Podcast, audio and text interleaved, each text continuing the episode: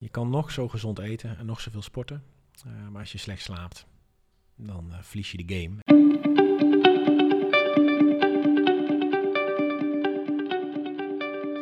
Welkom bij seizoen 3 van de podcast Stilstaan voor Dummies. Een rehab voor druktemakers, eerste hulp bij stilstaan.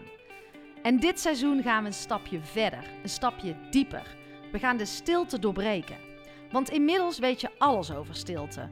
Want vaker stilstaan is goed voor je lijf, voor jouw mind en voor het luisteren naar dat stemmetje in jou. En durf te luisteren naar wat roept. En dat is al een grote uitdaging. Tijd nemen voor jezelf, aandacht geven aan jezelf, alleen durven zijn met jouw gedachten. En we kunnen niet blijven wachten op de oplossing, op de verlosser die ons komt redden. De oplossing zit niet in veel, in meer, in drukte, in veiligheid, comfort, verdoven of vluchten. Die oplossing die zit in jou en we gaan het samen aankijken. Jij mag het gaan aankijken. Jouw mooie kanten, maar zeker ook jouw schaduwkanten. We kunnen in van alles investeren: in vastgoed, bitcoins, Netflix. Maar de meest waardevolle en nodige investering die ons roept, is die in jezelf. Dat is het medicijn.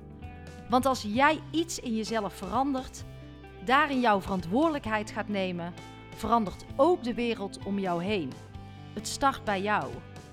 Laten we elkaar hierin helpen, de verbinding zoeken en het is tijd voor actie.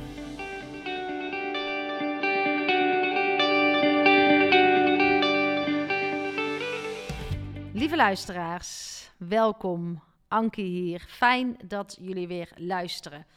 En ik ga zo mijn eerste gast van seizoen 3 aan jullie uh, voorstellen. En misschien hebben jullie mij al eerder gehoord in de Anki Onlys, want die ga ik dit uh, seizoen ook maken. Op maandag en vrijdagochtend zal er altijd een Anki Only live komen. En uh, daarin deel ik inzichten, uh, mijn struggles, geef ik je een kijkje in mijn eigen hoofd en hoop ik jou daar, daarmee wat handvatten te geven. Nou, ik ga in gesprek met Mark Schadenberg. En Mark is uh, slaapexpert. Maar het ging uh, veel dieper, veel verder. En wat ik zo fantastisch aan Mark vond, is dat het een man is met gevoel. En tijdens het gesprek heb ik heel oordeelloos naar hem ook zitten kijken. Want ik vind het gewoon fascinerend waarom je bij jezelf ook vaak denkt: Nou, een man moet uh, heel stoer zijn, uh, uh, misschien groffer, ruiger. En waarom mag die zachte kanten van een man ook niet gewoon zijn? En toen ik dat oordeel ook losliet, zag ik ook gewoon Mark. En Mark heeft alle kanten in zich en zoveel kennis over slaap. Maar ook heeft hij net een kindje gekregen en is hij ehm, ja, heeft hij een fantastisch mooie kijk op het vaderschap en hoe de natuur daarin zijn werk kan doen. En ja, deze podcast ging wel even een tandje dieper dan, uh, dan alleen slaap. Dus voor de luisteraars, ik wil jou uitnodigen, en met name ook de mannen. Uh, wat is voor jou man zijn? Heb je daar wel eens echt over nagedacht? Mag de man ook zijn zachte kant niet uh, veel meer gaan omarmen? En als jij in deze aflevering um, gaat stigmatiseren of je merkt dat je een oordeel gaat hebben over een, bepaalde, ja, over een bepaald iets wat er sprake komt, dan zou ik jou eens willen vragen waarom je dat oordeel hebt. Waar komt dat vandaan?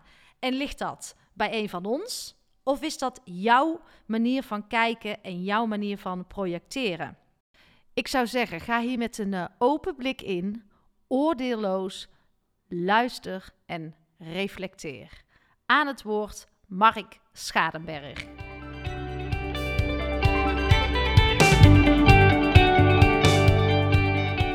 Deze man weet alles over slaap.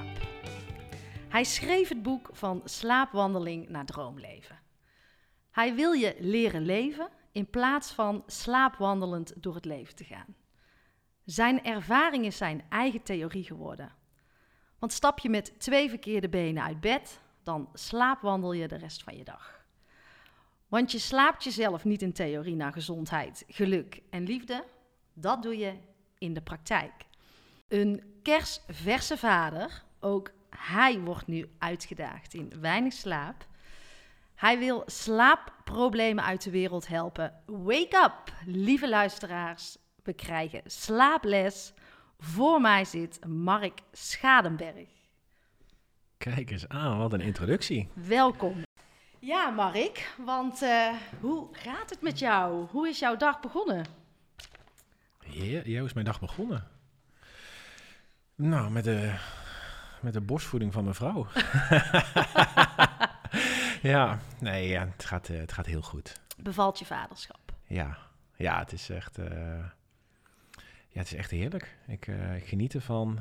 Hij is vol, tevreden, voldaan, we slapen veel, hij huilt weinig. Zo even alle medailles opgehangen. Nee, het is, hij is echt gewoon licht ter aarde gekomen en dat uh, resulteert in een hele goede start. Nou, dat klinkt super. Dus jouw nachtjes, want ik dacht, ik ga jou vragen, waar zitten jouw grootste uitdagingen nu op dit moment? Uh, hoe zijn die nachtjes? Ja, ja ik slaap gewoon 8,5 uur. Lekker. ja, nou ja, in de kraamweek hielp ik uh, mijn vrouw met borstvoeding. Dus dan uh, ja, gaf ik haar drinken of de luien verschonen of uh, eigenlijk alle randvoorwaarden, zodat zij gewoon fijn borstvoeding kan geven en dat we weer beide snel in slaap vallen. -huh. En nu heeft mijn lieve schat, heeft, ja, die zegt gewoon, weet je wat, ik heb sneller die luier verschoond dan dat ik jou wakker gemaakt heb. Dus zij Ja. laat mij nu gewoon heel de nacht slapen. Ik word wel tegenwoordig wel wat meer wakker. Mhm. Ehm, en dan vraag ik gewoon, moet ik iets voor je doen? Is nee, dan val ik weer in slaap. En dan rond een uurtje of half zes, zes uur, dan, eh, dan, neem ik hem uit, eh, dan neem ik hem mee, dan verschoon ik hem. En dan ga ik echt twee uur met hem knuffelen, een boek lezen, doe ik nu echt in de ochtend. Eh, wat ik in de laatste weken niet echt tijd voor gehad had. Ja. En dan kan zij twee uurtjes nog zonder geluidjes doorslapen. En dan maken we allebei toch ja, acht uur in de nacht. Heerlijk. En, dus je hoeft er nooit, zeg maar, s'nachts even uit en dat je daarna weer in slaap moet komen. Nee, nee. We hebben echt... ehm, ik zeg al, hij heeft nu in deze drie weken drie keer gehuild. En dat was toen hij geboren was. Eén keer dat hij in de auto moest. En laatst dat hij niet op tijd borstvoeding kreeg. Maar s'avonds... Hij maakt wel veel geluid, dus hij kreunt en het, het beweegt heel veel. Ja, ja, ja. Ehm, maar ik weet nu, met alle kennis die ik opgedaan heb, dat ik daar geen zorgen hoef te maken. En ik denk als ik 10, 20 jaar geleden, dan was ik heel de nacht wakker op alertheid. En nu vertrouw ik Op alles. ja, en ik word nu wel wel ietsjes meer wakker, maar dat komt ook denk ik omdat ik nu weer in een werkritme aan het gaan ben. Dus ik heb nu hè, vandaag nu gas, weer wat coaching. Ehm, dus ik ga dan ook wel wat moe naar bed, omdat je de Hmm. dag... En eerst was het echt gewoon, we hebben echt wekenlang in de bubbel gezeten. Heerlijk en Eh, ook De voor en daarna, ja. Dus ik was moeer van de visite dan, eh, dan van de kleine. Ja, dat is toch eigenlijk ook wat, hè? En voordat we echt eh, de diepte ingaan over slaap, is ik... ik heb dat ook ervaren als drukte. En het leek alsof het allemaal zo moet zijn dat iedereen bij je op bezoek wil komen. Terwijl ik eigenlijk, als ik eerlijk ben, en dan heb ik het over twaalf jaar geleden, mijn bezoek echt weg zat te kijken. Ja. Ik vond het helemaal niet fijn. Nee. Maar het was een soort van. Ja, het is wel grappig, want ik, van de week sprak ik ook iemand, volgens mij. En, en iedereen zegt hetzelfde, weet je wel. Eh, Niemand vindt het prettig, maar we doen het toch. Ja. Dus we, we gaan over onze eigen grenzen om eigenlijk die anderen te pleasen. Mhm. En wat mij vooral opviel is dat ehm, mensen dan toch hun eigen agenda ernaast gingen houden. Dus in de zin van, ja, wij zijn druk, wij gaan vakantie, dus dan komen wij wel s'avonds een Ja, keer. Ja. Eh, sorry, maar na zes uur heb ik gewoon helemaal geen zin in Nee, mensen. Eh, dus je, je leert ook mensen meteen kennen. Eh, en we hadden eigenlijk afgesproken dat we een maand in een bubbel zouden gaan. Alleen ja, je bent ergens ook natuurlijk heel trots op je wonder. Dat is gewoon... Tuurlijk. ehm, maar ja, ik heb wel echt de regie gehouden. En dat betekende dat normaal als mensen op visite komen... dan, dan betaal ik de parkeerkosten eh, in Amsterdam. En nu eh, moest iedereen het zelf betalen. Dus dan zagen ze in één keer een bedrag. En dan waren ze ook zo weer weg. Nou, goede tip, luisteraars. Nee, ja, en ik gaf wel echt mijn. eh, ik, ik zorgde wel ervoor dat. eh, ook al ben ik heel sociaal, ik vind het echt ook wel heel leuk. Dat ze echt mensen in blokken. Ja, Hoe ik met mijn eigen leven inricht, doe ik dat ook. eh, vooral nu, maar ja, begin gingen we meteen twee op een dag. En toen keken we elkaar ook aan. Dit gaan we dus echt niet meer doen. Nee. En eh, ja, ik denk ook dat we- omdat we een goede start gehad hebben, dus niet vermoeid, en natuurlijk heel een beetje je nieuwe rol eh, ontdekken, Mhm. is het goed gekomen. Maar ik denk als je als ouders zijnde, eh, papa weer heel snel moet werken, mama een, een kind heeft wat er niet slaapt. Ja, laat alsjeblieft die mensen thuis. Ja. Ga eerst zorgen dat het thuis eh, weer helemaal eh, kan en kruik is. Ja, dus waarom zijn we niet zo lief voor onszelf? Want dat zie ik, komt ook eens ook wel een rode draad eh, door jouw boek. Waar komt dat vandaan? Waar kwam het bij jou vandaan? Ehm, waarom zijn we niet zo lief voor onszelf? Ja, kijk, met alle kennis die ik nu opgedaan heb. ehm, als ik kijk naar mijn ouders. ehm, ja, iedereen leert iets ik bedoel, van zijn ouders. En ik denk dat het woord liefde vroeger niet echt bestond. Ehm, als ik naar mijn opa en oma keek, ja, je ging trouwen, je kreeg kinderen, je bleef bij elkaar. En wat er gebeurde, dat mochten de buren niet weten. Mhm. Ehm, ja, en als ik het vaak ook in mijn coaching vraag, wat, waar staat liefde voor? Dan begint iedereen altijd over een relatie. Een relatie, ja, ik zou graag een man op de een man willen hebben of een vrouw hebben. Met een ander. Ja, altijd maar extern. Altijd onze leegte wordt opgevuld met alles wat eigenlijk geen controle over hebt, maar ook wat waar je, ja, allemaal externe factoren. En dat was bij mij ook. Ik werd vroeger heel erg gepest, omdat ik anders was. Of Mhm. dat werd tegen mij verteld, dus dan ging ik dat ook geloven. Ja. Ehm, mijn ouders waren harde werkers die weinig thuis waren. Dus ja, dan ga je op het moment dat ze zijn, ga je aandacht vragen. Nou, ik was er eentje van een tweeling, maar eigenlijk een vierling. Dus er zijn er twee vroegtijdig geëindigd eh, in de, in, tijdens de zwangerschap of afgebroken, zo moet je. En ja, dan mis je al verbinding. Ja, en ik denk, wat ik nu met mijn kind zie, is dat gevoel mag er nu zijn. Als hij huilt, zeg ik niet van, hé, waarom huil je? Nee, dit is energie die vrijkomt. Ja, Ja, weet joh. dat papa en mama van je houden. Ja, en dat, dat, dat bestond vroeger denk ik nog helemaal niet. Nee. Nee, en als ik nu terugkijk naar mijn eh beginnend moederschap, Spener in, eh, en dan hebben we het over eh, twaalf ja. jaar geleden, hè? Ja, Ehm, Spener in. En laatst hoorde ik een, ehm, een vrouw in een podcast zeggen dat wij eigenlijk als beginnend eh, moeder best wel angstig worden gemaakt. Van, oh, als je kind maar niet ziek wordt, Ja. als dit maar niet gebeurt, als dat maar niet gebeurt. En nu denk ik, wow, met die kennis van nu, oh, dat had ik zo anders gedaan. Ja, nou ja, dat is wel mooi dat je dat, eh, dat, je dat eh, zegt. Ik bedoel, kijk, wat er op dit moment natuurlijk in heel de wereld gebeurt, is angst. Ja, Hè? Ehm, ik, ik ben nu door mijn coaching, hè, ik ben ooit begonnen met slaap, maar ik zit nu al echt op jeugd, geboorte, trauma. Ehm, ja, als je als kind zijnde gemaakt wordt in spanning, stress of met angst, hè, van kunnen we wel kinderen krijgen, blijft het wel, ja, dan programmeer je kind ook al. Hè. Bedoel, al in de ik, heb, ik heb in. Afghanistan gezeten en waarom is er altijd oorlog buiten, omdat er natuurlijk van buitenaf gebeurt. Dus het wordt doorgegeven. ja, En het wordt doorgegeven in de DNA. ja, Hè, we graag zouden we het anders willen zien. Maar ja, als jij opa en oma in oorlog zaten, geef je het weer door aan die. En, en dat zie, de- waarom is mijn kind nu ook zo licht, denk ik? Eh, omdat wij gewoon al onze eigen shitzooi opgelost hebben ja. voordat we aan kinderen begonnen. Ja, ja, want het is schijnbaar dus ook zo, eh, en dat kan tot zeven generaties. Daar ben ik Ja. toevallig nu ook Ja, in aan het zeven, verdiepen. Tot zeven generaties terug kan jij met iets lopen wat een, ja, een andere Ja. generatie heeft gehad. Dus je moet je eigen shit helen. Ja, maar en, dan, en dan zijn daarna ook nog de eerste zeven jaar. Kijk, je hebt de eerste duizend dagen vanaf de conceptie. Dat is echt blueprint. Maar dan heb je ook nog de eerste zeven jaar van het kind. Want alles wat hij ziet, hoort of ervaart, wat hij meeneemt in de rest van zijn leven. Die overtuigingen Ja. die dan zijn. Ja, eh, en ja. Wat, ik, wat mij opviel vanuit mijn eigen reflectie is... Ja, wat, wat we eigenlijk als kind geleerd hebben, is altijd nooit naar ons gevoel luisteren. Ja, als je bij opa en oma op visite kwam en je was verlegen, dan doe eens even lief. Hè? Ja. Laat je eens even, zeg eens even gedag tegen oma. Terwijl eigenlijk hadden ze liever misschien kunnen zeggen, met wat we nu weten, van het komt zo wel. Laat Ja. hem even ontdooien. Ja. Of het alleen spelen. Eh, Hoeveel ouders niet in een speeltuin... Je moet samen delen. Ja. Maar mag het kind niet ook even alleen spelen? Ik bedoel, we zijn gemaakt om eenzaam te zijn. We zijn gemaakt om ons alleen te kunnen overleven. Want anders waren we altijd wel met meerdere uit de buik gekomen.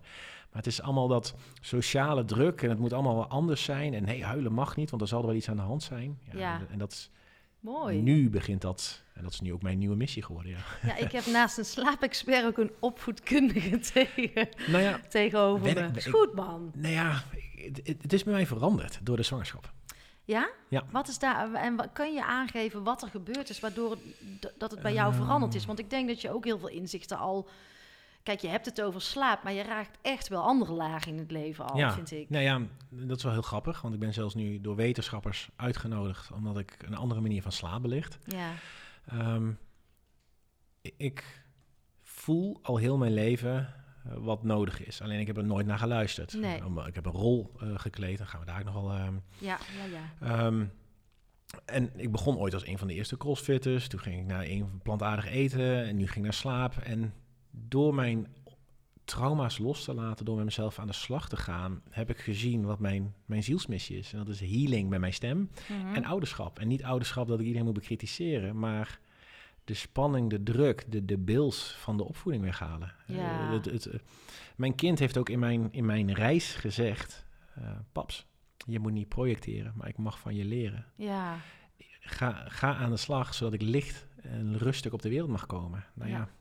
Is dat wat, je, wat veranderd is, wat je net aangaf in die zwanger, tijdens de zwangerschap? Ja, ja, je- ja. Ik kan meer last van de hormonen. Papa. Ik, ik, ik heb echt, nee, ik begin nu alweer bijna te huilen, maar ik heb zoveel gehuild tijdens de Ja. zwangerschap. Ik hoefde de buik aan te raken, ik voelde hem, ik, ik heb gehuild. En als je de eerste ook ziet, en ik wilde ook dat ik eh, de kleine Hm. eruit haalde. Hmm. Dus dat het eerste contact was met mijn handen en niet met de liefdevolle plastic handschoenen van de, van de verloskundige. Hoe goed ze ook haar werk doet, maar de verbinding. Ik heb vroeger, omdat ik een kindje was die bij 32 weken ja, net de grens haalde en eh, in een hele medische rattenplan eh, in een couveuse gegooid werd, heb ik nooit verbinding gehad. Niet met mijn tweelingbroer, niet met mijn ouders, want Nee. ik heb weken moeten overleven. Ja. En dat botste in mijn ontwikkeling, want ik zocht verbinding, maar als ik mensen aanraakte, dachten ze dat ik homo was Ja. binnen de krijgsmacht. Eh, Ja. De hand op iemand zijn schouder leggen, vind ik verbinding. Nou, dat kan echt niet in zo'n macho cultuur. Nee, is niet stoer natuurlijk. Ja, dus mijn wens, wij hebben ook geen zwangerschap iets gedaan. Ik, ik- dat was het enige wat ik zei. Van luister, als hij eruit komt, Is die van eh, mij. pak ik hem vast en haal ik hem eruit. Dat is, Ja, nou, ik, ik vind het zo mooi hoe, ja...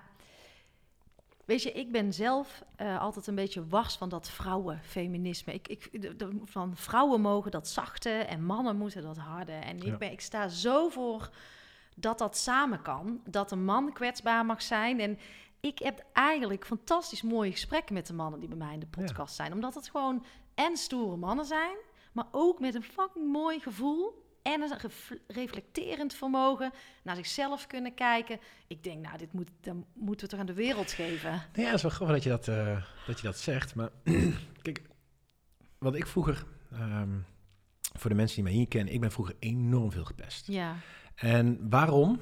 Ik had een zachte kant.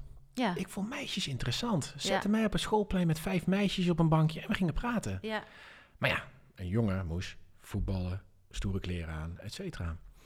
Dus uiteindelijk onderdrukte ik mijn zachte kant, oftewel wat we vroeger vrouwelijke mannelijke, maar het is zacht en hard ja, in mijn ogen, dus ik ben het daar helemaal met je eens. Waarom ging ik defensie in?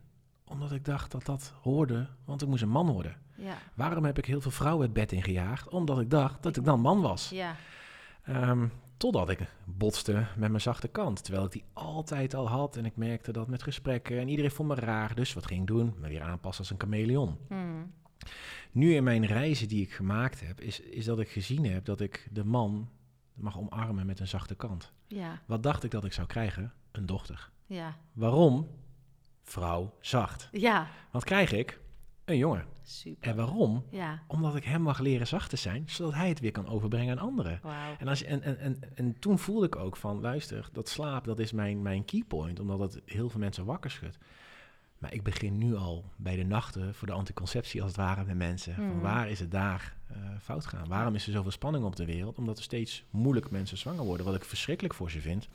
Maar er zit zoveel druk en spanning op, op, op, die, op die blueprint. Ja, Ja, dat gaat slapeloze nachten op latere leeftijd zijn. Ja, ja, en ik vind, ik, als, ik, als we het dan hebben over programmering, hè, van net als we zeiden al, van hoe moet een, eh, een eerste fase van als een kind geboren wordt. Hè, dan moet het druk zijn, dan moeten vooral veel mensen komen, hebben we eigenlijk helemaal geen zin in, doen we toch. Mannen moeten stoer zijn.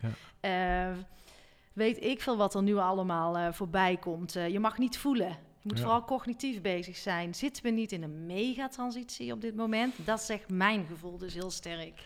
Ja, we zitten op dit moment. ehm, en, en, ik, en ik praat natuurlijk en ik word echt heel veel begeleid. En ik, eh, dus dus ik, ik, word, ik word klaargestoomd omdat ik schijnbaar iets moet gaan doen na een crisis. Dat is me al v- 14 jaar geleden verteld. Toen geloofde ik het niet. En nu ehm, trek ik echt healingsmeesters aan die me aan het helpen zijn om, ja, om mensen echt te, gaan, eh, te, echt te gaan helpen na crisis. En Mhm. wat gebeurt er nu? Een crisis. Ja. Maar we zijn in de naweeën van het visserstijdperk. Ja, En de visserstijdperk is je haat, oorlog, jaloezie. Alle rotzooi Macht. waar we niet blij van worden. En er gaat heel veel goed in de wereld. Echt mensen, er gaat heel veel goed. ja, Alleen we worden nu geprogrammeerd met angst. Als er op dit moment in mijn ogen is de grootste terroristische aanslag is wat er nu gebeurt in de wereld. Niet 9-11, maar want wat, waarom was een terroristische aanslag? Er werd angst gezaaid. Wat gebeurt er nu in de wereld? Heel veel angst gezaaid. zeker. Buitenom dat er heel veel generaties in stress leven, schaarste. Dus het, het voedt zich met angst. Het wordt steeds donkerder. Ja, En als we met z'n allen meteen zouden veranderen, dat gaat gewoon niet lukken. Dat heeft tijd nodig. En wat ik voel is dat het zeker nog tien jaar minimaal nodig heeft. Dus vooral als we gaan zien wat er al goed gaat, dan kan je angst omzetten in liefde. mhm. Ehm, Maar ook de tijd zal er gaan stoppen in ons leven. Want waarom zit er een klok op ons leven? Omdat we allemaal een red race. Dus als wij gaan leven in liefde en meer zullen gaan delen, dan verdwijnt de tijd in ons leven. Dat voel ik Mhm. aan alles. Dat is Mhm.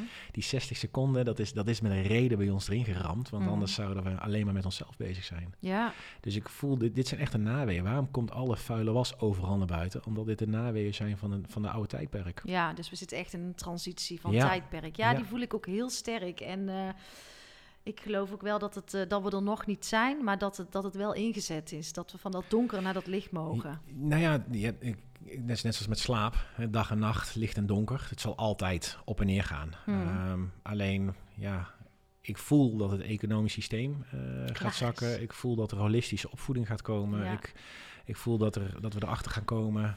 ehm, dat niet alle godsdiensten, maar dat we gewoon één mogen zijn. En dat, dat heeft tijd nodig. Ja. Want ja, 80% is op dit moment met zichzelf bezig. Dus staat nog niet open voor iets nieuws. Nee, nee, daar kan ik me helemaal in vinden. En, en als ik jou dan ook hoor zeggen van de, de wetenschappers, ik heb een andere kijk op slaap. Wat, want jij zei, die nodigen mij zelfs uit. Waar zit dat? Ja, ehm, ik denk dat wij zijn geprogrammeerd op data. We willen eh, testjes doen, data, scores. En da- Excel-sheetjes vullen. daar, ga- daar- nou ja, daar, daar gaan we lekker op. Ja. Ons- schijnbaar bestaat ook alles uit cijfers. Ehm, Mhm. En ik denk dat de wetenschappers zijn gewoon heel goed in één ding doen. En dat vind ik ook heel tof. Ik werk nu samen met een wetenschapper en we zijn een heel mooi team. Waarom? Want hij ontkracht soms dingen bij mij. Want dan zegt hij, ja, heel leuk. Er is helemaal geen wetenschappelijk onderzoek over voeding en slaap. Dat zijn verbanden die we trekken. Maar Mhm. in de wetenschap is er nog niks, niks bekend. En dan denk ik, Mhm. wel heerlijk. Want er zijn mensen die het roepen. Terwijl hij mij de, die kijk op... Dus Ja, ja, en wat ik vooral merk is het, ja, mijn bagage. En ik denk ook van mijn zeven generaties terug en misschien wel van mijn voorgaande levens. Zorgen er nu gewoon voor dat ik, ja, ik, ik, ik zie verbanden. En dat, Ja. dat heb ik in mijn boek weggeschreven. Waardoor ik echt mensen wakker schud van, oh shit, kan dit mijn slapeloze nachten zijn? In plaats van, ik moet de, de succespil en dan ga ik weer. ja. Dus ja, wie weet wat er nog allemaal eh, mag komen. Mooi. En jij praat ook over jouw reizen. Ja. Wat bedoel je daarmee? Nou ja, ik ben in 2006, ja, 2006 ben ik eh, op uitzending geweest. En daar eh, ben ik echt veranderd in een, in een overlever. De dingen die ik gedaan heb, dingen die ik gezien heb.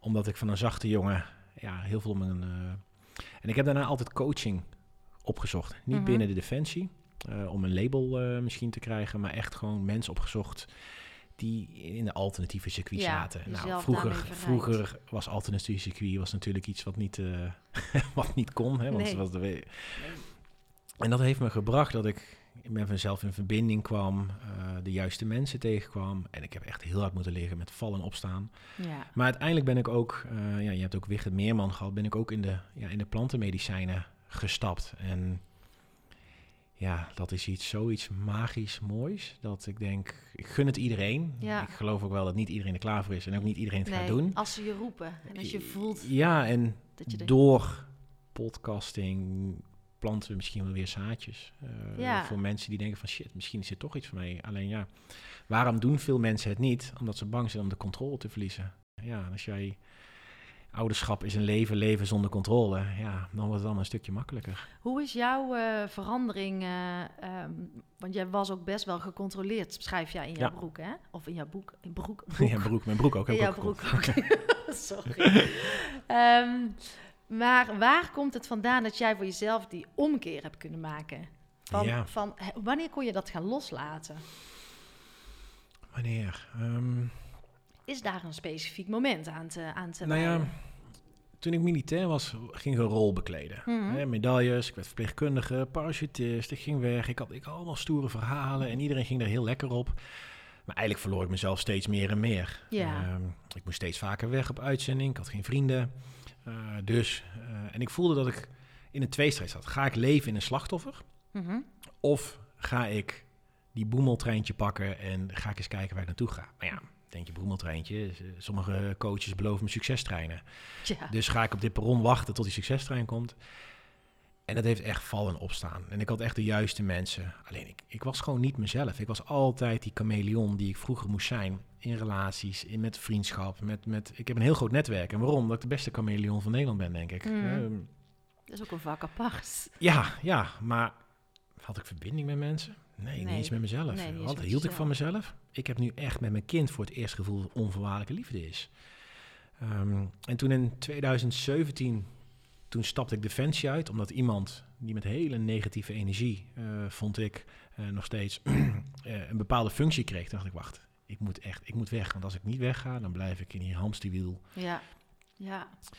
En toen mocht ik naar Amerika voor een social media opdracht, omdat ik in één keer influencer werd. en wat ik nooit geambieerd heb of, of omdat ik niet eens wist dat het bestond.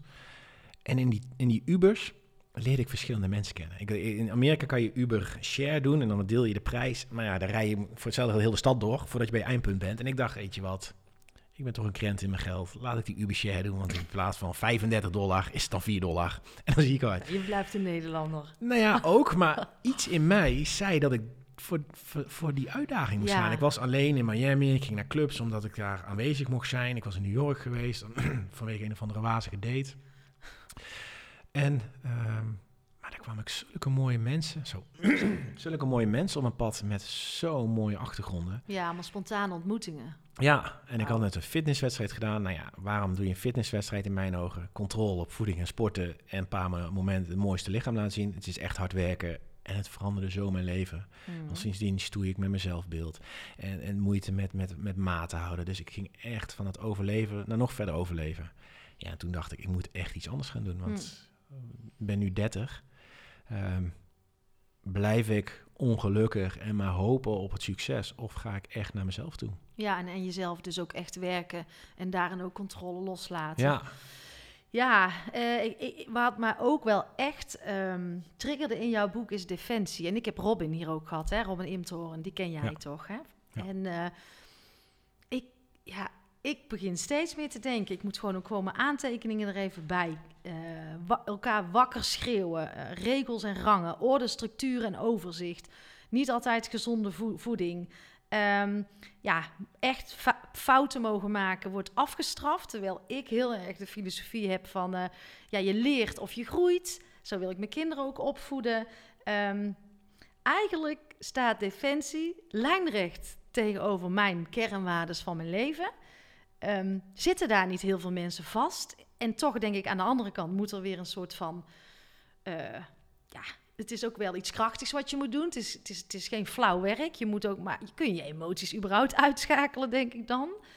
Ik, het, ik raakte in de war. ja, nou ja, het is wel mooi dat je dat, eh, dat, je dat zegt. Ehm, kijk, ik, ehm, we hadden het net over die harde en die zachte kant. Ja. En op dit moment hebben de vrouwen het best zwaar.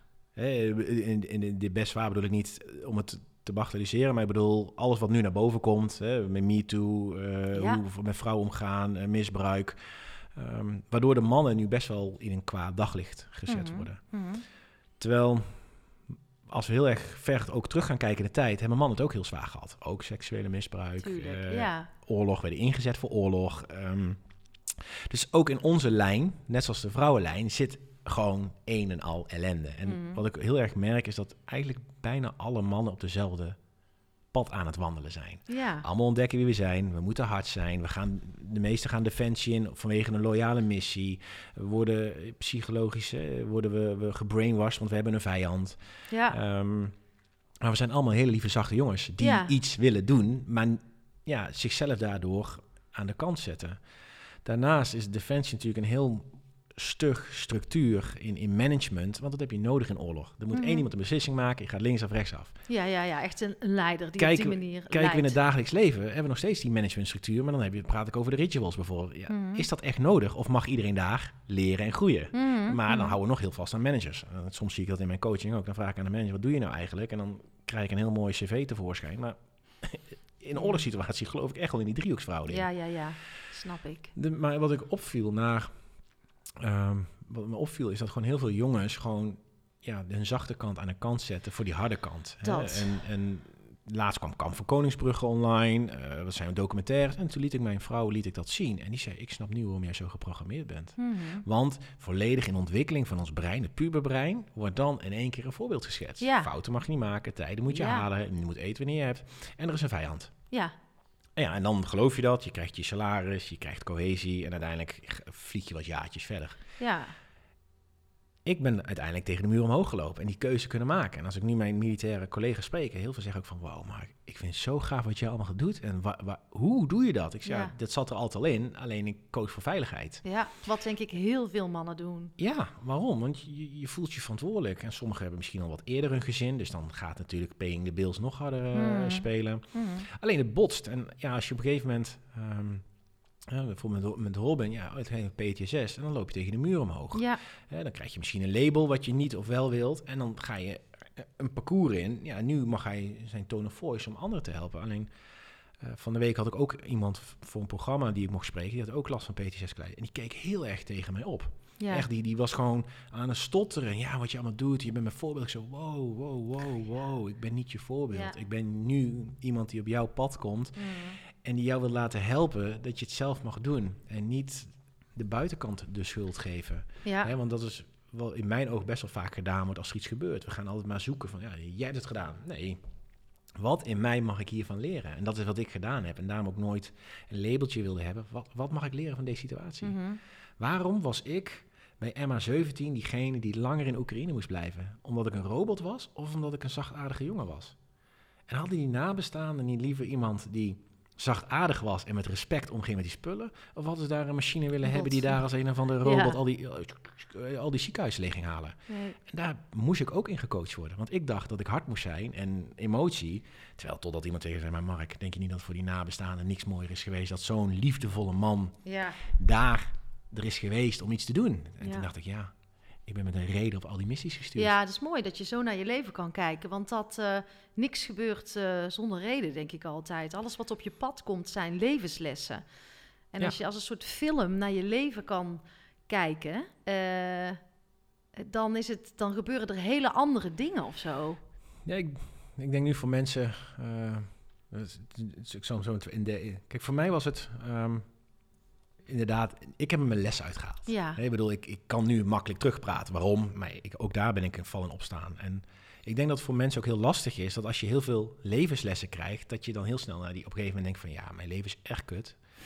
Ehm, terwijl ik nu geleerd heb, eh, ook door mijn reis... is je krijgt met een reden. Je, je kiest als kind voor een reden voor je ouders. Je moet daar iets van leren. Ja, dus hebben jouw ouders een bepaalde, helaas een verslaving. Jij moet dat als kind iets van leren. Mhm. In plaats van slachtoffer zijn. Ja, Te- en ik vind het allemaal heel verschrikkelijk. Want ik gun iedereen het mooiste. Dus Tuurlijk. begrijp me niet verkeerd. Maar nee. wat mij nu ook opvalt, is dat als je niet kan leren van een moment, komt er weer iets nieuws. Ja. En sommige mensen hebben echt, eh, dan, dan denk ik, wow, respect. En dat zie ik ook in mijn coaching. Van luister, je bent knijtersterk, want je hebt dat allemaal doorstaan. En dat je nu hulp vraagt, is logisch. Mhm. Want je hebt van die momenten nog niet kunnen leren. Dus komt het volgende alweer op je bordje. Want Ja. ja, schijnbaar heeft iets de, de bron ervoor gekozen om jou daarin dus wakker te schudden. Alleen weet je nog niet hoe het moet. Heb je niet de juiste middelen. Wat ook mag. Ja, hulp vragen mag. Wat ook mag. Maar ook je energiesysteem zit erin. Hmm. Want als jij voelt van ja, ik ben een slachtoffer, dan ga je die energie ook uitstralen. En ben je gevoeliger voor kwaaltjes Ja. en uiteindelijk al die dingetjes.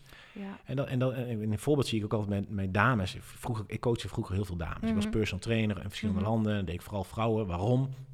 Dan had ik chemie. Mannen was macho, vrouwen voelden. ja, En allemaal wilden ze graag kinderen. En ze kwamen altijd met players thuis. En dat is puur de energie. Want je wilt iets heel graag. Ja, en die andere denkt, hé, ik had in bakkie, maar gaan we jou niet geen kinderen beginnen?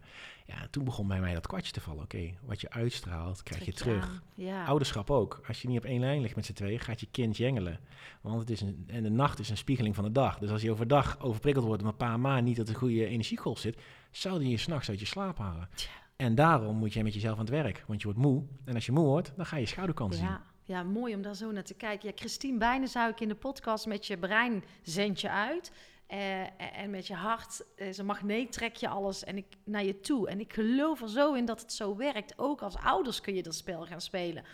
Maar daar zijn we nog lang niet in deze wereld. Want ik denk dat heel veel luisteraars denken... Hmm, daar moet ik even, eh, even over na... Nou, denken vooral, Ja. navoelen. Maar ik geloof het wel dat het alles is energie. Alles is energie. Ehm, kijk, ik, ik, praat nu wat sneller. Ehm, waarom?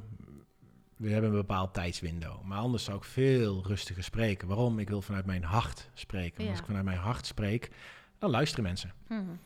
Maar voor de mensen die luisteren, kijk eens naar je omgeving, hoe snel mensen praten. En als je snel praat, is dat puur emotie. En wat doen we als iemand emotie praat? Dan luisteren we niet. Nee. Ja, dan kan je ook niet zenden en ontvangen.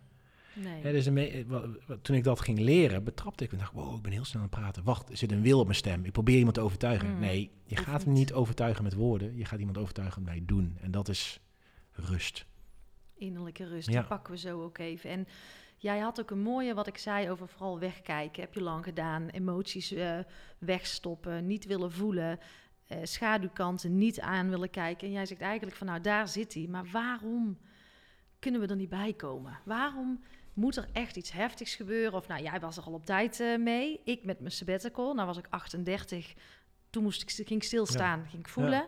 Nou, daarna is, is alles, mijn spiritualiteit, alles staat gewoon aan. En het wordt maar, het wordt maar meer en meer. En het Ja. is niet meer te stoppen. Super mooi dat je op je 38e daar tegenkomt. Mm. Ehm, ik denk dat daar verschillende. En, eh, wat ik denk, hè, bedoel, Ja. ik ben natuurlijk niet. eh, de- ik denk dat er zit in dat iedereen mag accepteren dat iedereen zijn les krijgt in dit leven. En dat Mhm. je misschien niet daarbij komt, maar in een volgende leven. Ja, Alleen we worden geprogrammeerd natuurlijk door alles wat er in de wereld gebeurt. Dat je allemaal ondernemer bijna moet worden, 10.000 euro per maand moet verdienen, succesvol, eh, zo snel mogelijk. Terwijl sommige mensen zijn gewoon goed als ze in loondienst werken en een gezinnetje hebben en gewoon lekker hun prima. Alleen, dat schijnt niet meer te mogen. Daarnaast is natuurlijk, ja, hoe ben je opgevoed? Ja, ik coach nu mensen die zitten in de 60 en de 70. Die hebben miljoenen bedrijven all over the world. Ehm, fantastische mensen, maar nooit leren wat liefde is. Nooit weten wat ze met hun kinderen aan moesten. Omdat iemand ooit gezegd heeft dat je veel moet werken. En ja, ja, vakantie is een beloning in plaats van ontspanning. tja. Dus het is ook maar net in welk milieu je opgroeit. Ja, en leef jij, ben, jij, ben jij angstig ter wereld eh, opgegroeid of hebben je ou- ouders met angsten en het wordt geprogrammeerd, ja, dan zal je altijd daar gevoeliger voor Ja. zijn. Of die schaarste of dat soort dingen. Ja. En als het dus eenmaal op je pad komt, ja, wat ga je doen? Mm. Ga je, ga je een beetje vlichten met spiritualiteit of kap je het meteen van jezelf af? Durf jij door die turbulentie heen te gaan? Of denk je, ja, nee, weet je, ik ga voor de makkelijke weg. Ja, en dan, dan is dat ook goed. Als Ja. je, ook als je nu deze podcast luistert of kijkt of wat dan ook... en je denkt van, ja, wat is die Mark aan het blaten? Dit dit is prima. Ja, En misschien over vijf jaar denk je, shit, die man had gelijk. Of niet. Eh, ja. en, en dat is ook goed. Ja, nou, ik ben er ook wel achter gekomen, ook in deze tijd en deze periode, dat ik eh, ehm, voor mij dat overtuigen. Oh, dat, dat, dan deed ik zo vanuit tekort, vanuit schaarste. En eh, ook al kan ik iets vinden wat een ander moet doen, ik kan nooit zijn tijd of zijn moment bepalen. Dus je kunt het maar beter loslaten en oordeelloos naar een situatie kijken, want Ja. daar heb jij helemaal niks in te sturen als Nee, mens. eh, Maar dat, wat je net zegt, dat oordeelloos, dat, dat is het moeilijkste voor een mens. Ja, maar vind ik ook nog steeds best Want wel ingewikkeld. we hebben al... Waarom? Omdat we... ehm, we hebben geen controle over onze gedachten, gedrag en over slaap. Maar we proberen onze gedachten en ons gedrag heel erg te controleren. Maar we gaan ook gevoel achter woorden hangen. Mhm. Dus als ik tegen jou zou zeggen van nou, je hebt een geel snoepje wat heel zuur is in je mond en sabbel er maar eens op, dan gaat je hoofd, oh ja, misschien een Napoleon snoepje. Ja, terwijl je ja, helemaal ja. nooit een Napoleon snoepje hebt gezegd. Nee. Maar omdat je refereert met wat je ooit tegengekomen bent of geleerd hebt of gezien hebt. En, dan, en dat gebeurt nu in onrustsituatie alleen maar meer. We gaan alleen maar bezig zijn met wat anderen van ons vinden, wat anderen doen. En we durven niet meer naar binnen te keren. Nee. En, en dat klinkt dan ook natuurlijk zwaar, want we worden nu ook wel, natuurlijk wel heel doodgegooid met naar binnen keren. En dat, dus mensen denken, ja, ja, wat moet ik nu? Ja, En, en wat, wat ga ik doen? Want die zegt dit, die zegt dat. Ja, wat is de waarheid? Ja, en, dat is, en dat is nu heel lastig voor ja mensen. we zijn een beetje los, denk ik. eh, in between of zo. Ja, ja, sommigen zeggen dat we van 3D naar 5D gaan. Eh, de anderen zeggen dat we van tijdsperk aan het wisselen zijn. Ehm, maar ik denk dat Van vooral... hoofd naar hart. Ja, maar ik denk dat we nu de harde wereld aan het loslaten zijn... en dat we elkaar harder nodig hebben. Eh, Ja. En dat we erachter komen dat, dat het ook oké is om... Ja, even met jezelf aan de slag te gaan. Ja, ja dat, eh, wie, wie sprak ik daar nou over? Dat we gewoon vooral allerlei gadgets kopen, makkelijk, voor 1000 euro of meer. eh, schoonheidsproducten, eh, Netflixen. En als we het dan hebben, en ik merk het ook hoor, met onze Academie Ontlaat. Van eh, nou, een acht maanden programma om die reis naar binnen te maken. Die innerlijke roadtrip. Oh ja, dat is wel een beetje duur. Ja. En dan denk ik, wauw, maar als je toch aan het einde, en dat heb jij ook met je coaching, dan is het een soort van thuiskomen. Dan is het leven echt een stuk makkelijker. Ja, maar het mooie is... We hebben ooit, ik heb ooit een, een student onderzoek laten doen. Die moest dat doen eh, voor mijn volgende be- bedrijf. Ja, Mensen willen bijna niks betalen. En het liefst willen ze het net niet slagen. De quick, of de quick fix. Nou ja, inderdaad, dat is iets. Maar eigenlijk willen ze, net zoals met afvallen, ze willen er misschien 80 euro per maand voor betalen, maar ze willen eigenlijk het doel niet halen. Want dan kunnen ze tegen andere mensen vertellen dat het niet werkt. Mhm. Ehm, eh, een voorbeeld die ik altijd neem is met rokers. Eh, sorry rokers, maar heel vaak zie je eentje stopt. En dan die andere probeert die andere weer te overtuigen. Ja. En waarom is dat? Om, zodat diegene tegen zichzelf kan vertellen van zie je wel, het is hem niet gelukt, maar dan hoef ik niet te stoppen. Ja, En wat je nu ziet natuurlijk met online, is, is mensen zijn bezig met financiële waarde. Als ik maar rijk word, snel. Terwijl Mm. eigenwaarde is in mijn ogen veel belangrijk. Toen ik in kaart bracht wat mijn waarden waren, wist ik ook met wie ik om kon gaan, welke opdrachten, eh, et cetera. ja, je kunt veel En- beter kiezen. En daar werd ik uiteindelijk ook financieel een stuk rijker van. En veel dichter bij jouw hart. Ja, want nu, nu, als iemand mij een mail stuurt van kan je me helpen, dan ga ik een gesprek van een half uur aan en dan denk ik dit is wel of niet. En ook, ik heb ook nog steeds wel eens foto gemaakt. Dan denk ik, oh ja, lekker, zakcentje verdiend. En dan bij twee gesprekken dacht ik, weet je wat, ik geef jou het geld terug. Het matcht niet. Nee. En nu voel ik dat aan alles. Ik Ja. heb nog nooit reclame gemaakt voor mijn coaching. Waarom? Nee. Omdat ik geloof die mensen met een reden op mijn pad komen. Ja. En ook bereid zijn om te betalen. En als het niet is, ik kan in niemand zijn portemonnee kijken. Ik bedoel, ik heb geen eh, Rabobank ogen of weet ik wat. Dus ik ga ervan uit dat dat dan eh, zo moet zijn. Mhm. Eh, Ik wilde laatst misschien gaan studeren en diegene rekende een bedrag. Ja, daar had ik nu het geld niet voor, omdat er een huis is, een kind, et cetera. Omdat dat mijn prioriteit was. Ja, ik weet, ik kan, zij kan niet in mijn portemonnee, of hij, ik kan niet in mijn portemonnee kijken. Ehm, maar ja, het is wat het is. Ja, het is wat het is, zeker. En je had het net, vond ik wel mooi, want daar schrijf je ook over in jouw boek, over saboteurs. Ja, En ehm, als je zelf in een eh, verandering zit, dan komen ze op je pad. Ik heb ze ook gezien, ik zie ze nog steeds. Maar eh, waarom is dat zo? Waarom zijn die saboteurs er? ja. waarom- Wat zijn saboteurs? Ja, wat zijn saboteurs? Poeh. ehm, kijk, je, je, het is in mij ook zijn saboteurs externe factoren die, die jou doen, doen laten twijfelen of uit balans eh, brengen. Eh, je hebt natuurlijk bij slaap heb je saboteurs, geluid, licht, snurken. Mhm. Eh, maar als jij een, een pad in gaat wandelen, dan zullen mensen je proberen terug te halen naar wie je was. Dat was bij mij heel erg. Hè. Ik was lief en ik deed iedereen voor iets, maar ja, tot ik ging veranderen en in één keer nee zei op een afspraak. Mhm.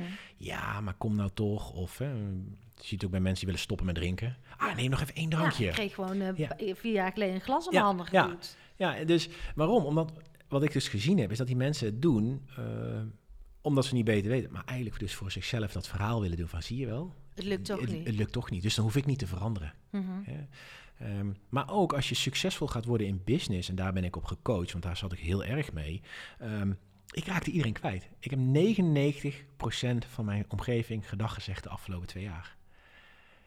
En waarom?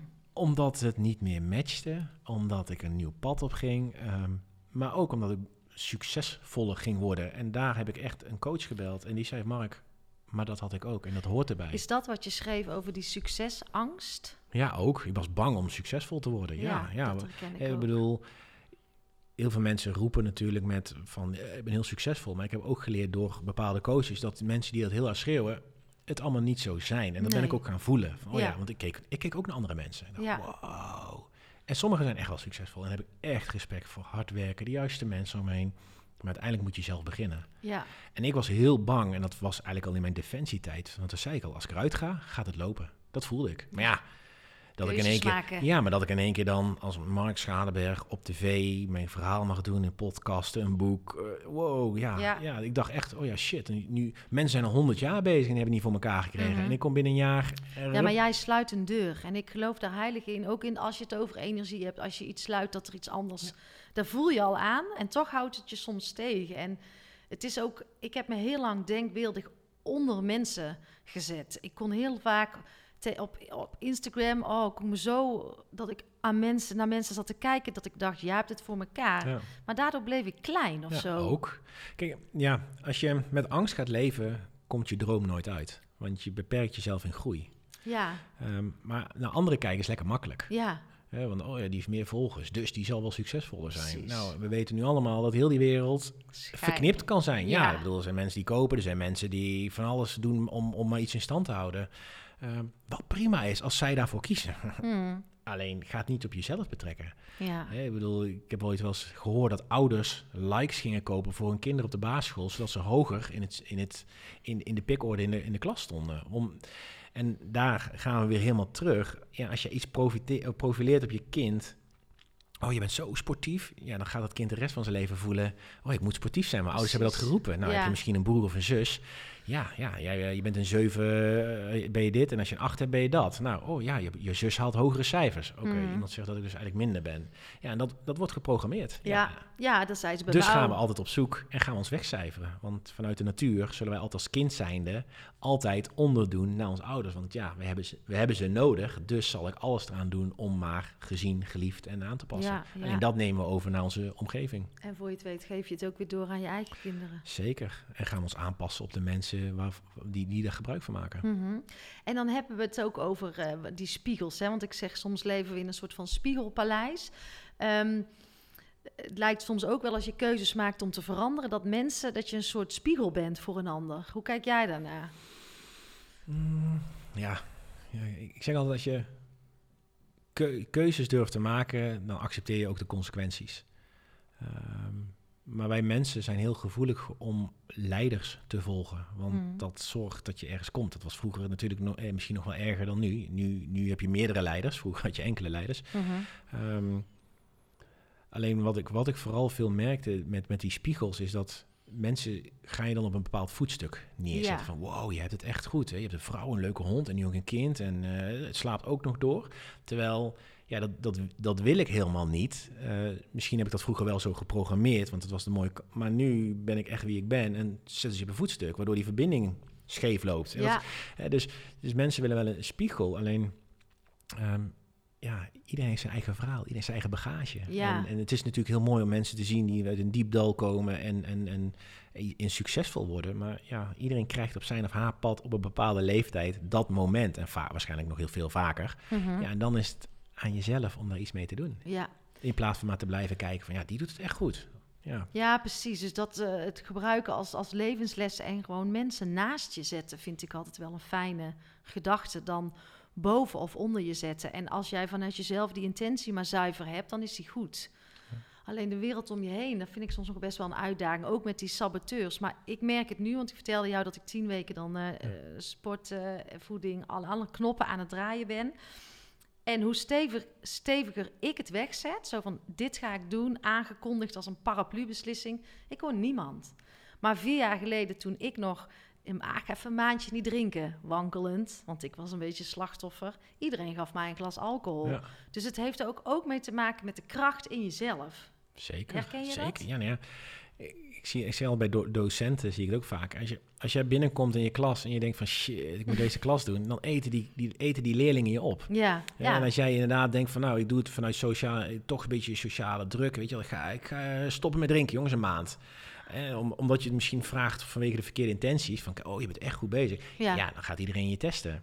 Maar als je hem voelt van binnen, van jongens, ik stop ermee, want mijn waarde is gezondheid. En bij gezondheid past gewoon niet roken en drinken. Mhm. Ja, dan, dan, dan spreek je vanuit de ik. Dan kan Ja. niemand daar iets op zeggen. ja. En de meesten zijn meer bezig van, eh, ja, ik denk, ik denk dat ik ga stoppen met drinken. Ja, Ja. ja ik ga ervoor. Ja, nou, spijker op zijn kop, want zo was het vier jaar geleden. En nu wil ik gewoon eh, gezondheid. Dat is Ja. een van mijn kernwaarden. En, en, en eigen, vertrouwen op je eigen lijf. Ja, en, en dat is ook wat ik mensen adviseer als ze dus iets uitspreken. Ga naar de ik. Hmm. Ik merk dat ik onrustig word en daarom heb ik besloten om te stoppen met drinken. Ja, En dan kan niemand iets doen. nee. En diegene die erheen gaat gooien, dat is een klein kind met modder. En ja, dat is emotioneel. Ja. ja, en dat stuk is van hem. Ja, Ja, of van haar. En- kan ook. en ja, en nu natuurlijk heel mooi is, is je wordt getest. Je, je, je gaat irriteren misschien aan mensen. En irritatie is in mijn ogen het, het godsgeschenk die we kunnen krijgen. Want waarom irriteer je aan iemand? Omdat je daar nog iets van mag leren. Hmm. Eh, bijvoorbeeld, ik, ik irriteerde me bijvoorbeeld, nou, social media. Ik irriteerde me mensen die zo nep waren op social media. Ja, En zij zien het misschien niet zelf als nep, maar ik voel het. En dan Ja. dacht ik van, waarom irriteer ik me aan die persoon? ja. En toen zei ik tegen mezelf, mag ik ook nep zijn? Ja, ik mag ook nep zijn. Ik doe het niet, want het past niet bij me. En daarna is die lading helemaal weg. Ja, mooi, mooi inzicht. Ik denk dat de luisteraars hier zeker iets eh, aan hebben. Ja, ik moet, we moeten toch ook even naar slaap. Ja, ja, ja. Maar ja, dit raakt alles waarom we denk ik ook wakker liggen. Omdat we niet echt onszelf durven zijn. En eh, dat, dat, dat vertaalt zich naar slecht slapen. Maar als, laten we die zo pakken. De aller, allerbeste tip om goed te slapen. Wat moet iedereen weten? Ja, dat zei mijn oma altijd de rust, reinheid en regelmaat. Ehm, ja, ik denk echt belangrijk voor mensen is gewoon regelmaat. En daar Ja. bedoel ik echt mee vaste tijden eten, vaste tijden naar bed. Eh, en dan komt rust, dus rust plannen. Ja, en reinheid is dus, dan komt dat stukje spiritualiteit, gezonde voeding. En, en ja, eigenlijk merk ik gewoon echt bij mensen is dat we gewoon in een red race leven voor anderen. Dus we zijn altijd maar bezig om overal maar bij te zijn. Elke minuut moet benut, verkeerde waardes.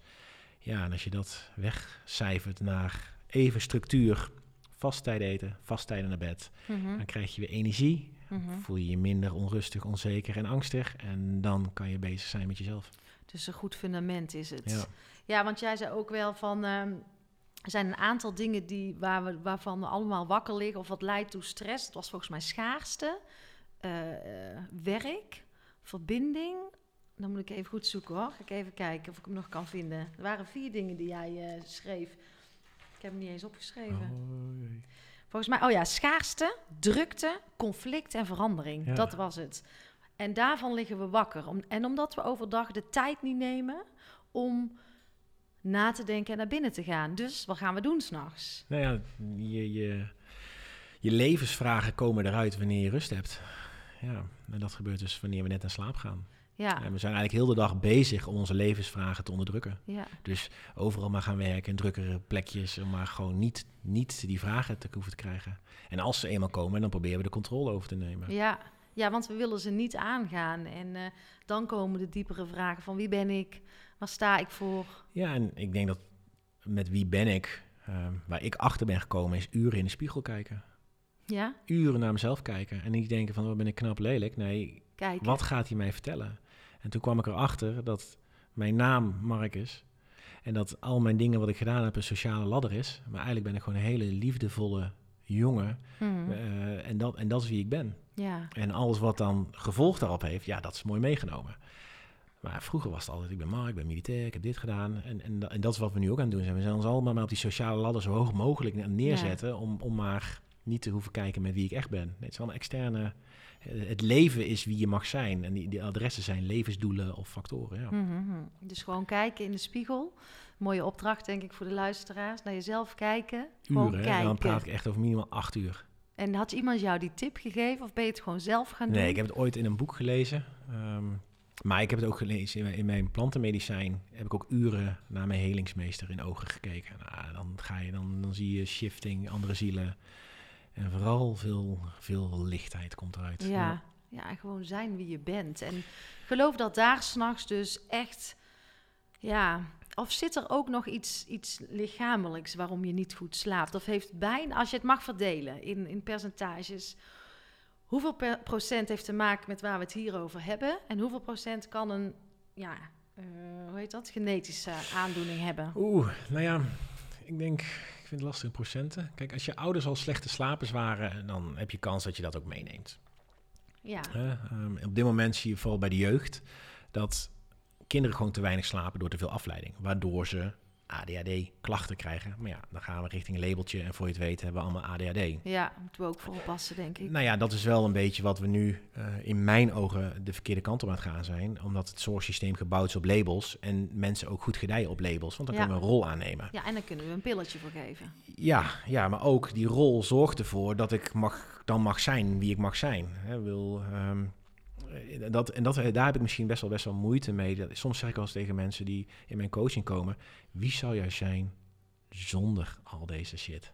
Mhm. Ja, liefdevol, emotioneel. Ja, zullen we dan zo afspreken dat we dan aan de, aan, de- aan de zijkant parkeren? Ja, bedoel, mensen zullen mijn verhaal lezen en ja, jij hebt PTSS. Ja, ik stempel. Ja, Ja. eh, Dat zou inderdaad volgens het systeem kloppen. ja. Alleen wie zou ik zijn zonder die label? Mark. Ja, Gewoon daar heb ik voor gekozen toen. Ja, mooi. En dat wil niet zeggen dat al die mensen die PTSS hebben, die ik dan niet geloof. Dat zeg ik absoluut niet. Alleen, ik ben daar niet na gaan leven. Nee, dat is denk ik ook wel het gevaar van deze tijd. Dat het. eh, mijn man zei het gisteravond nog: van Ank, je bent weer in, iemand in een hokje aan het plaatsen. En grappig is dat ik vannacht, of vannacht, gisteravond ook beseft voor het eerst van. Oh, daar spiegel, ja, daar spiegel jij mij al zolang ik jou ken, op Ja. al 17 jaar. Ja, Eh, zal, wordt het niet eens tijd dat dit, dat dit een keer goed gaat landen? ja maar ja, je, je- het is ook, we, hebben er nooit in de basisschool mee om leren gaan. Nee, Hè, want dan schrijf je ook op eh, over dat schoolsysteem, hè? Van, Ja. eh, School is voor jou een tijd geweest van overleven. Nou ja, je zegt ik ben veel gepest, maar het schoolsysteem is star, fantasieloos en machtig, schrijf jij. Ja, ja, nou ja wat, ik- dat heb ik later geleerd. Is, onze rechter hersenhelft, da, daar zit de groei. Hè, de, maar dat is Creativiteit. Creativiteit. Ja, terwijl onze linker hersenhelft gewoon ja, in de kwetsbaarste tijd geprogrammeerd wordt. Je moet boeken lezen, toetsen maken. En dat zegt dan iets over wie je bent. Mhm. En wat ik vooral heel erg vond is dat scholen, eh, en nu weet ik het niet, hè, want ik heb best wel na het boek heel veel docenten gehad, dat vond ik wel heel leuk.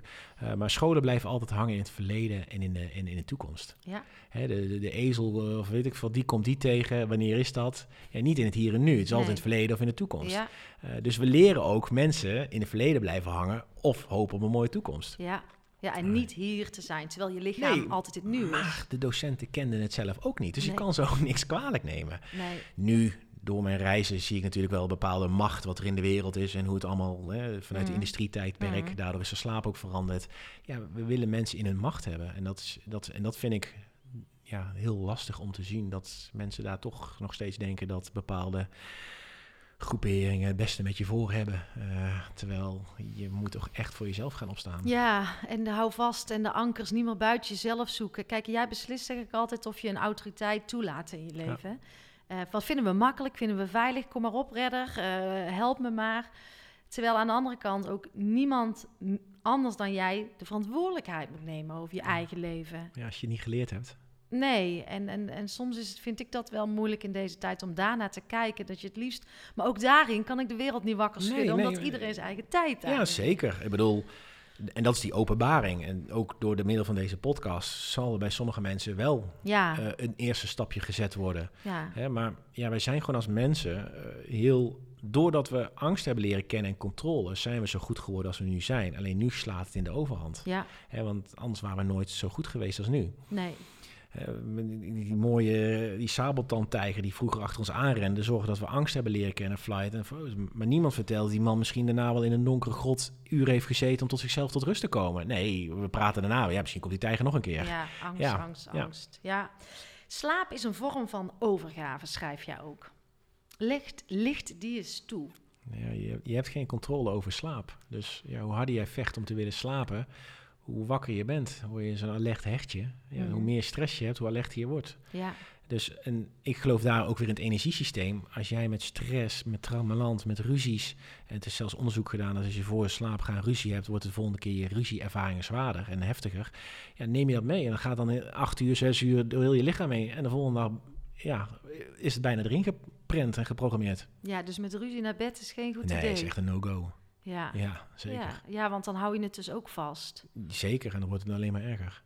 Kijk, door de mens, ehm, wij moeten groeien, want anders waren we nooit geworden wie we zijn. Dus we moeten Mhm. altijd meer, beter, zie je ook in huis. Hè. We beginnen met een appartement en uiteindelijk vrijstaan. Dat moet er zijn, want dat zit in ons. Dat, Mhm, mhm. ehm, maar dat gebeurt dus ook met dit soort dingen. Dus als je begint met een kleine ruzie, wordt het altijd steeds meer. Ja, en als je slecht slaapt, komen je dierlijke instincten omhoog.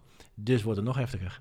Ja, dus het is echt de bedoeling dat je je slaap, dat je eigenlijk letterlijk alles loslaat. Ja, Want dan laat je op. ja. Oké, en dan schrijf jij ook, slaap je slank. Dat willen we natuurlijk allemaal.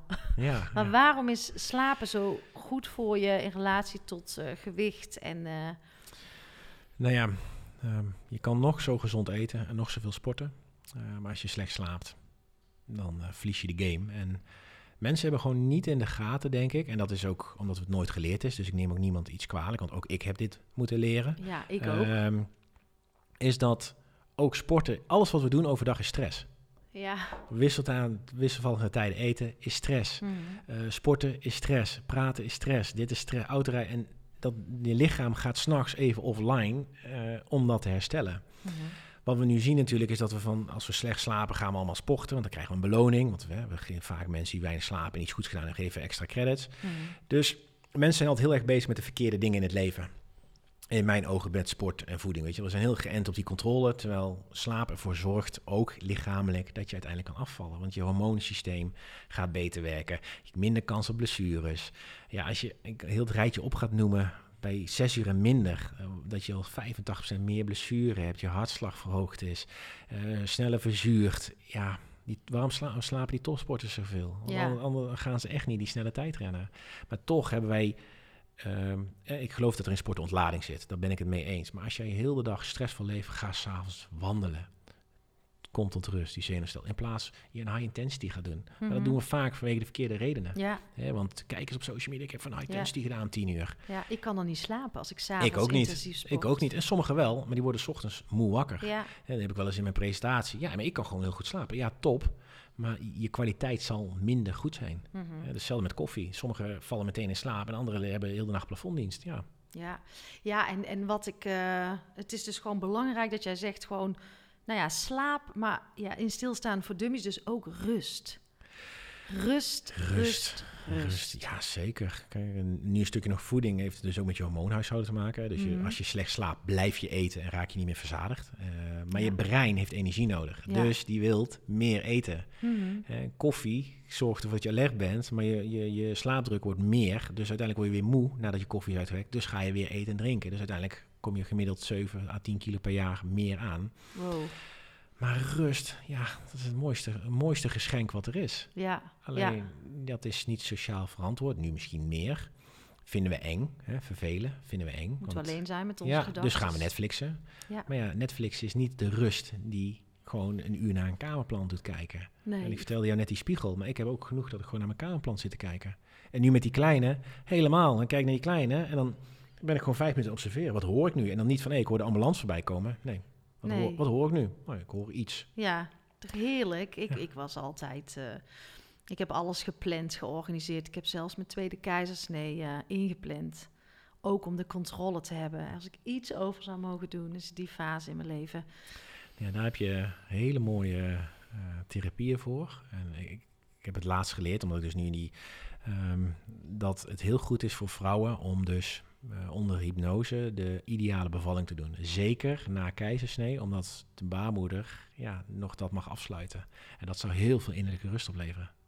Ja, dat is misschien wel een hele mooie tip om te doen. Ik kom er steeds meer achter dat ik denk, oh, die fase heb ik echt overgeslagen.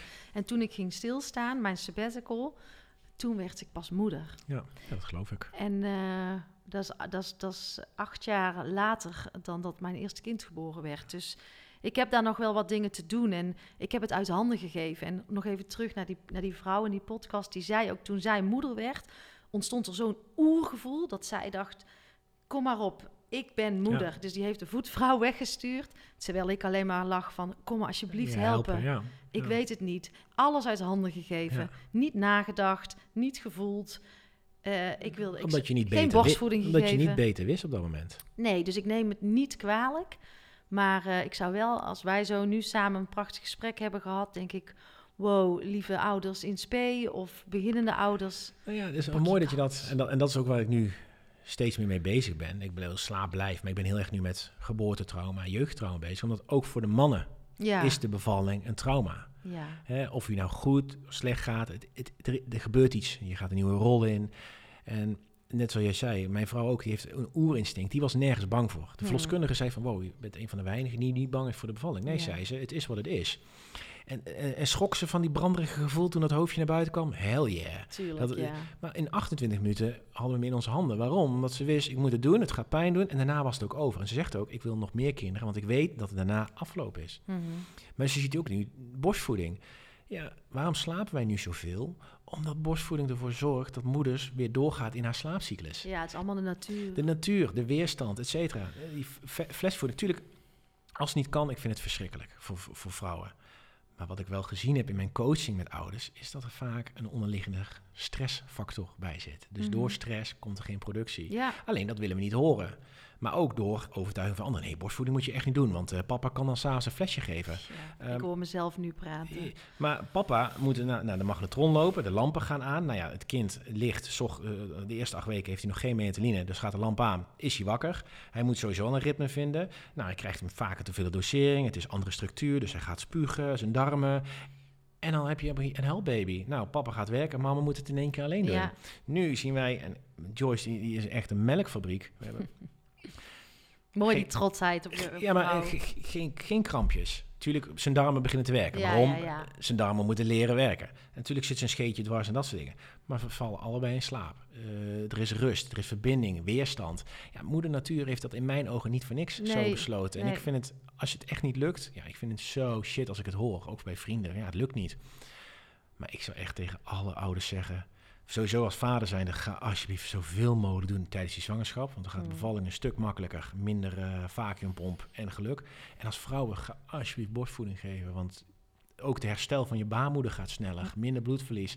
Ja, ik heb me er helemaal in verdiept. Omdat ik het gewoon zo interessant vind. Want moeder natuur brengt een ziel in een leven. Vanuit een, een of andere zaadcel. En die zorgt ook voor dat je daarna weer kan herstellen. Ja, wauw. Ja, ik, het, is, het, is, het is tijd voor om, om op die manier naar te gaan kijken.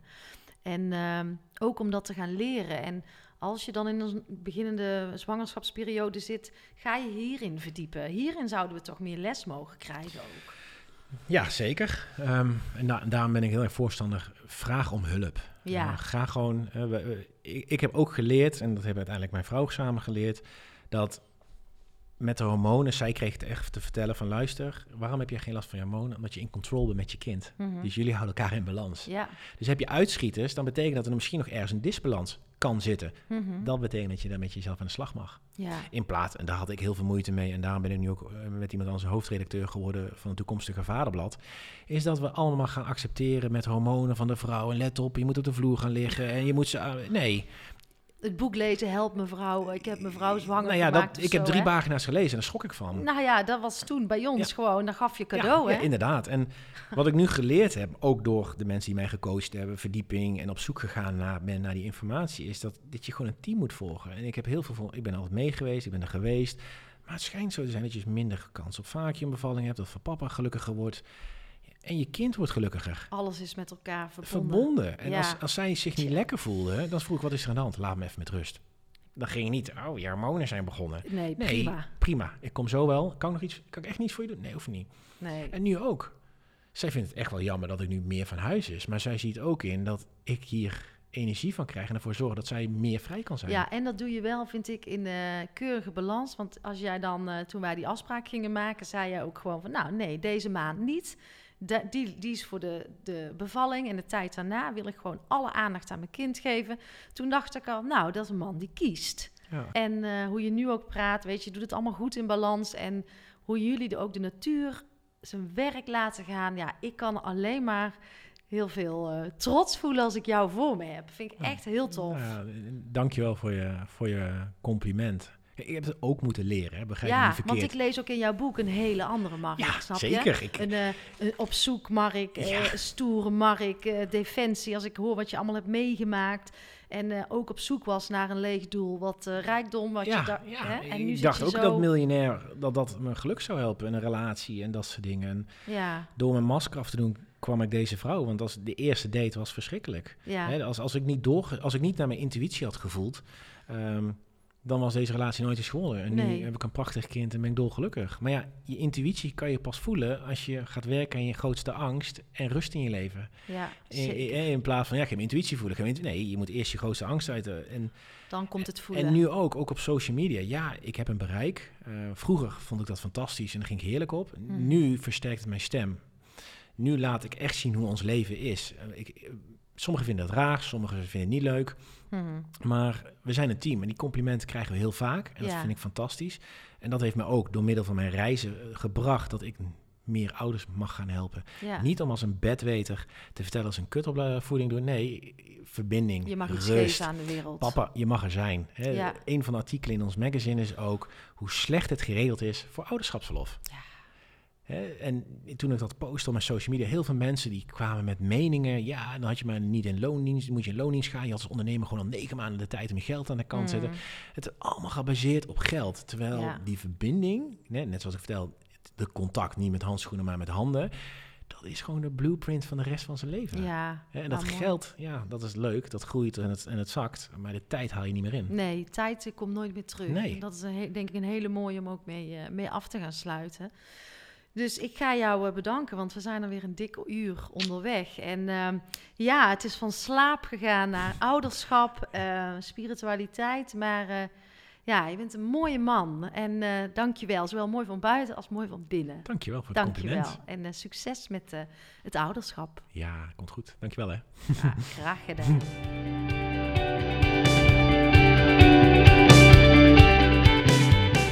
Nou, dat was hem weer, eh, lieve luisteraars. Dankjewel voor het luisteren. Dankjewel voor jouw aandacht. Tijd komt nooit meer terug. Ben jij in verbinding? Slaap je lekker? Of ben je aan het overleven? Stap je op de trein en ga je ontdekken of ga je leven als slachtoffer? Kijk eens in de spiegel. Uren. En stel jezelf de vraag: wie ben ik? Wie wil ik zijn? Durf jij te kijken? Wake up. Tot de volgende podcast.